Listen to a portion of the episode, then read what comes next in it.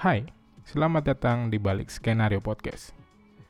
Kali ini kita akan membahas sebuah film yang berjudul I Care A Lot. Film ini disutradarai dan ditulis oleh Jack Blackson.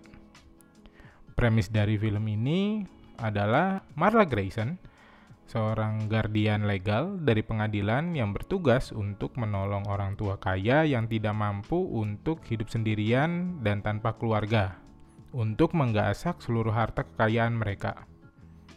Suatu hari, dia mendapatkan klien wanita tua bernama Jennifer Peterson dari dokter kenalannya. Dia ingin menggasak seluruh harta kekayaan dari Nyonya Peterson. Namun, ternyata Nyonya Peterson tidak seperti pengamatan mereka. Ternyata Nyonya Peterson adalah seorang wanita tua kaya yang ternyata adalah ibu dari seorang ketua mafia Rusia. Nah, kita bisa lihat nih dari premis aja filmnya udah terlihat menarik banget. Filmnya itu tentang ketemunya dua orang jahat. Jadi yang satu ngerusuhin yang satu, jadinya perang. Waduh, menarik kan? Cuman uh, sebelum kita masuk lebih jauh, sebelum kita bahas lebih jauh tentang film ini, uh, gua akan kasih tahu kalau konten ini adalah spoiler konten. Jadi kalau misalnya teman-teman mau nonton dulu filmnya, silahkan tonton dulu, di pause saja, tonton dulu tapi kalau misalnya mau tahu review filmnya dulu, silahkan dengerin aja sampai habis. Nanti setelah itu teman-teman memutuskan buat nonton atau enggak. Dan ini filmnya ada di Netflix. Nonton yang legal, jangan yang bajakan. Hihi. Oke, kita masuk lebih jauh. Uh, nah, di sini sebenarnya filmnya menarik. Cuman ada beberapa hal yang dalam catatan gue itu agak kurang oke okay ya.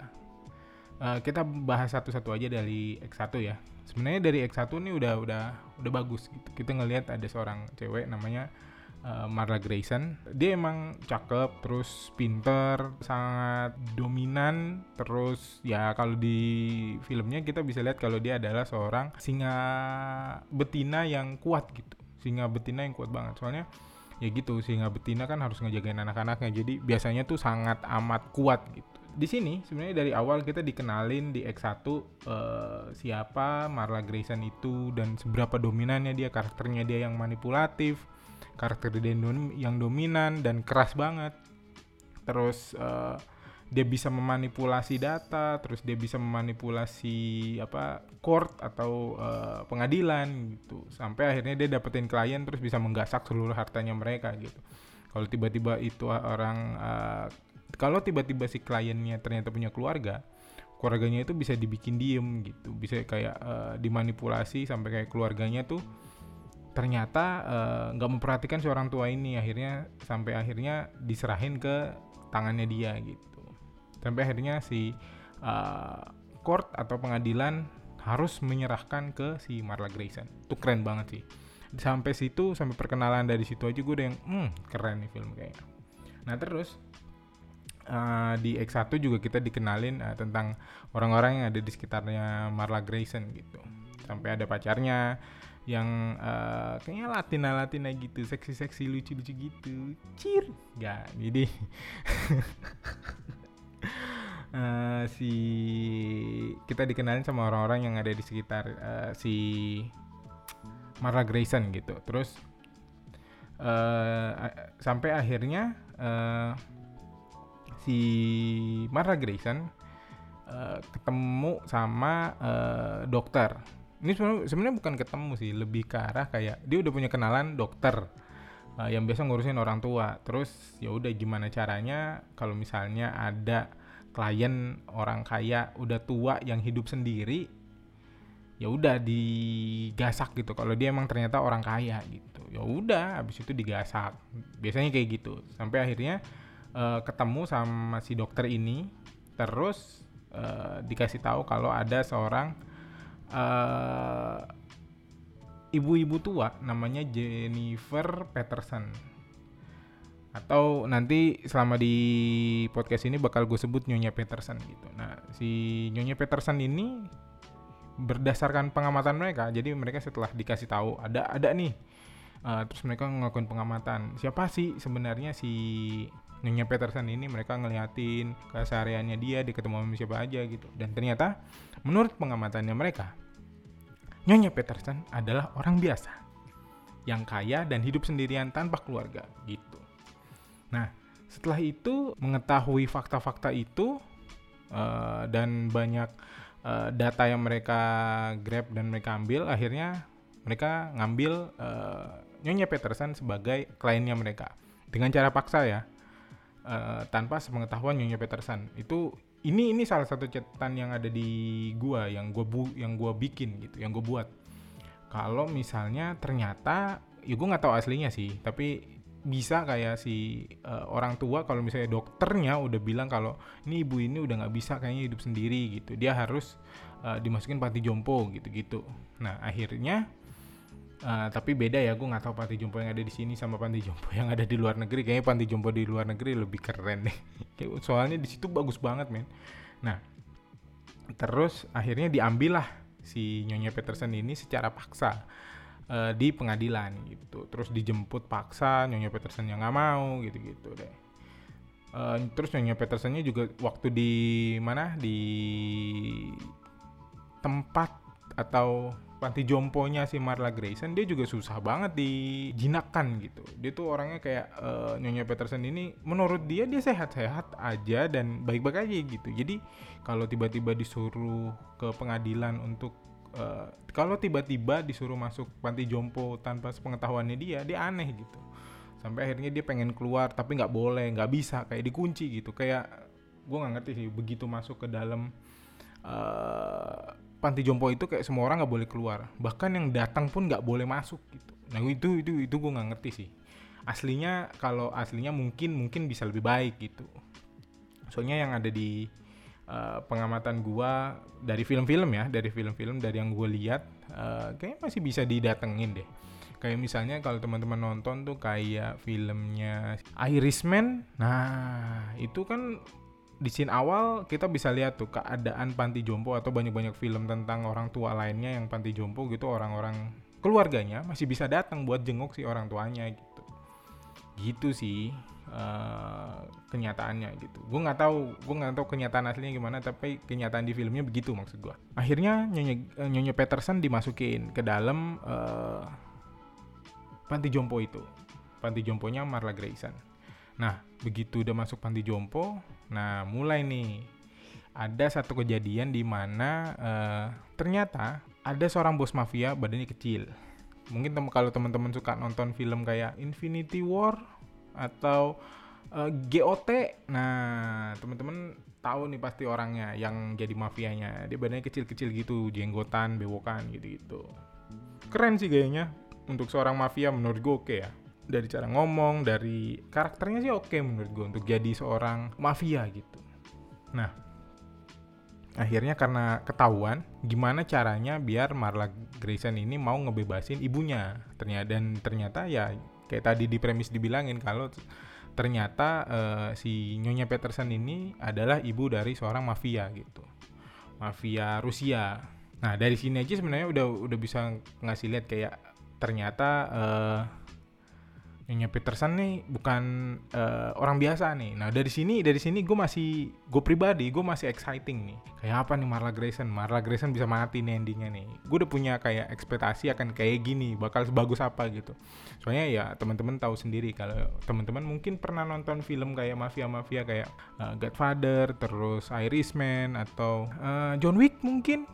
Wih, mafia-mafia tuh punya anak buah banyak pokoknya lu jangan sampai macem-macem. Kalau John Wick ya udahlah. Kalau dia tuh dulunya anak buah mafia cuman dia bisa ngabisin sampai bos mafianya ya memang gara-garanya dia itu orang yang gila banget gitu. Yang bisa ngebunuh orang dengan pensil. Kira-kira gitu. Nah terus nah uh, kita udah masuk ke Act 2 sebenarnya. Abis itu mulai digasak tuh. Sampai uh, si Nyonya Petersonnya mulai digasak harta-hartanya sama si Marla Grayson and the gang sama anak buahnya gitu. Mulai dijual-jualin rumahnya mulai dijual terus sampai didatengin deposit box yang ada di banknya nyonya uh, Peterson uh, didatengin terus diambil uh, ada satu bungkusan di dalam buku yang isinya adalah diamond. Nah terus uh, diambil lah diamond ini sama si Marla Grayson gitu. Sampai akhirnya si bosnya ini mulai turun tangan. Karena akhirnya semuanya ketahuan sama si bos mafianya. Uh, pertama didatengin dulu nih sama si uh, pengacaranya. Terus pengacaranya naik banding ke uh, pengadilan. Namun hasilnya masih nihil karena uh, si bosnya ini nggak mau diketahui kalau dia adalah anak dari uh, Nyonya Peterson. Dan ternyata nama Nyonya Peterson juga di endingnya ternyata namanya bukan Nyonya Peterson gitu. Cuman kayak nama alias atau nama samaran gitu. Dari situ Marla mulai ngeh nih. Wah siapa nih sebenarnya Nyonya Nyonya Peterson ini? Terus uh, siapa nih Nyonya Peterson? Dia nyari kan sama pacarnya gitu sampai akhirnya mereka dapat clue. Nah ini kita udah sampai midpoint nih. Menurut gua film ini sampai di midpoint tuh oke okay banget. Sampai akhirnya mereka bisa nemuin uh, ternyata uh, si Nyonya Peterson ini adalah ibu dari seorang mafia Rusia. Gara-gara waktu mau dikeluarin dari panti jompo itu, ada ajudan dari si bos mafia ini datang terus mau nyelamatin tapi gagal gitu. Nah, si ajudan-ajudannya ini akhirnya mulai di interogasi dan ternyata mereka dapetin uh, data kalau uh, ajudan-ajudannya ini punya nama Rusia gitu. Nah, di sini udah mulai ketahuan nih namanya si bos mafia itu gitu. Nah, sampai di sini udah sampai midpoint nih. Nah, kayak tadi gue bilang, dari awal sampai midpoint nih film oke okay banget. Sampai tuh agak-agak gue exciting banget gitu. Gue exciting banget sampai kayak waktu ditanyain sebenarnya lu siapa sih? Si Marla ngobrol sama si Nyonya Peterson. Sebenarnya lu siapa sih? Terus uh, si Nyonya Petersonnya cuman, hmm, gue nggak akan ngomong, gitu. gue akan diem. Nanti lu lihat aja dia bakal datengin lu gitu. Kayak ini uh, si Marla Grayson berurusan dengan orang yang salah gitu. Terus uh, beberapa kali digituin sampai akhirnya ya gitu si Marla uh, bilang kalau dia didatengin sama pengacara anaknya gitu. Yang pakai baju necis sampai si ibunya yang jadi ibu-ibu ini jadi nyonya Peterson ini aktingnya bagus banget men. Meyakinkan banget kayak ini lu berurusan sama orang yang salah men keren banget loh dari dari dari segi aktingnya ya. Nah terus uh, sampai akhirnya uh, mereka nyari nyari nyari nyari ketemu namanya. Sampai kita masuk di setelah midpoint kita masuk setelah di midpoint terus si Marla ditangkap akhirnya. Karena nggak mau ngebebasin ibunya si mafia dan eh, nggak uh, mau ngebalikin diamond yang udah diambil. Terus uh, akhirnya Marla mau dibunuh. Karena dia ditangkap kan dia diculik gitu terus dibunuh mau dibunuh. Dimasukin ke dalam mobil mobilnya dijalanin dia dibikin pingsan gitu. Dikasih obat gue nggak ngerti obat apaan dimasukin lewat mulut apa hidung gue lupa. Terus uh, mobilnya jalan masuk ke dalam kayak kali atau danau kecil gitu. Terus masuk jeger masuk ternyata di dalam si Marla bangun terus keluar dari mobil. Ber ya udah. Tapi badannya nggak kenapa-napa sih nggak kayak dipukulin atau apa gitu. Kayak dia keadaannya baik-baik aja gitu. Cuman basah udah. Sampai di sini wah Marla nih super power punya super power nih. Healing factor. Gue nggak tahu sih tapi ini pengamatan gue aja ya. Udah ya mulai dari midpoint ke depan nih udah mulai agak aneh menurut gue nah terus mulai dari namanya ketemu dengan mudah eh, bos mafianya juga ketebak dengan mudah sampai akhirnya bos mafianya ini ketangkep sama si Marla. Jadi si Marla sama ceweknya berdua bersekongkol. Gimana caranya bisa nangkep si bos mafia ini gitu. Akhirnya ditangkep. Gila gampang banget nangkepnya. Sumpah menurut gua apaan sih nih? Bos mafia kok kayak nggak ada powerful powerfulnya? Malam pemamat. Sampai ada ketangkep terus gue nggak ngerti sih kayak dikasih obat atau gimana gitu. Cuman ya gitu deh. Uh, terus ditinggalin di dalam hutan telanjang-telanjang gitu.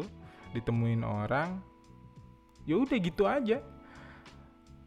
Sampai di fighting battle-nya mereka cuman begitu doang gitu. Sampai uh, akhirnya si bos mafia ini malah uh, nyerah terus ngebagi uh, diamondnya jadi dua terus mereka jadi partner bisnis uh, untuk Guardian ini gitu. Terus mereka jadi partner bisnis gitu. Marla jadi terkenal. Ya udah sampai akhirnya Marla dibunuh sama orang yang pernah orang tuanya dia culik gitu. Si Marla culik terus ditembak. Udah gitu doang. Gue ya gue nggak ngerti sih. Tapi apa ya di bagian setelah midpoint kayak terkesan ter, terlalu terburu-buru gitu. Gue gak ngerti ya uh, kenapa mesti seburu-buru itu sih.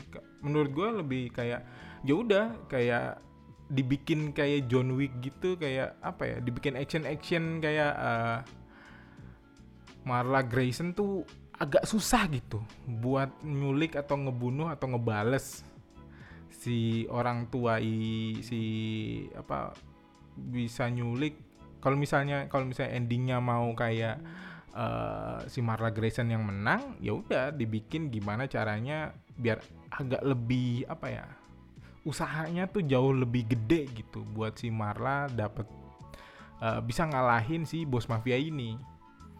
Atau gue lebih prefer kayak bos mafianya yang menang. Usahanya dihancurin Marlanya ditangkap dan dibunuh gitu. Itu menurut gue atau dimiskinkan sampai akhirnya Marla harus kabur ke luar negeri atau kabur ke dalam desa kecil. Terus dia nggak dia sama pacarnya nggak punya apa-apa. Atau bahkan dia sendirian pacarnya juga mati gitu. Ya itu itu pilihan sih. Cuman uh, kalau ngelihat apa yang terjadi di I Care A Lot ini ya menurut gue begitu. Sebenarnya dari uh, karakter terus dari strukturnya juga menurut gue enak sampai midpoint. Uh, apa yang terjadi sama mereka terus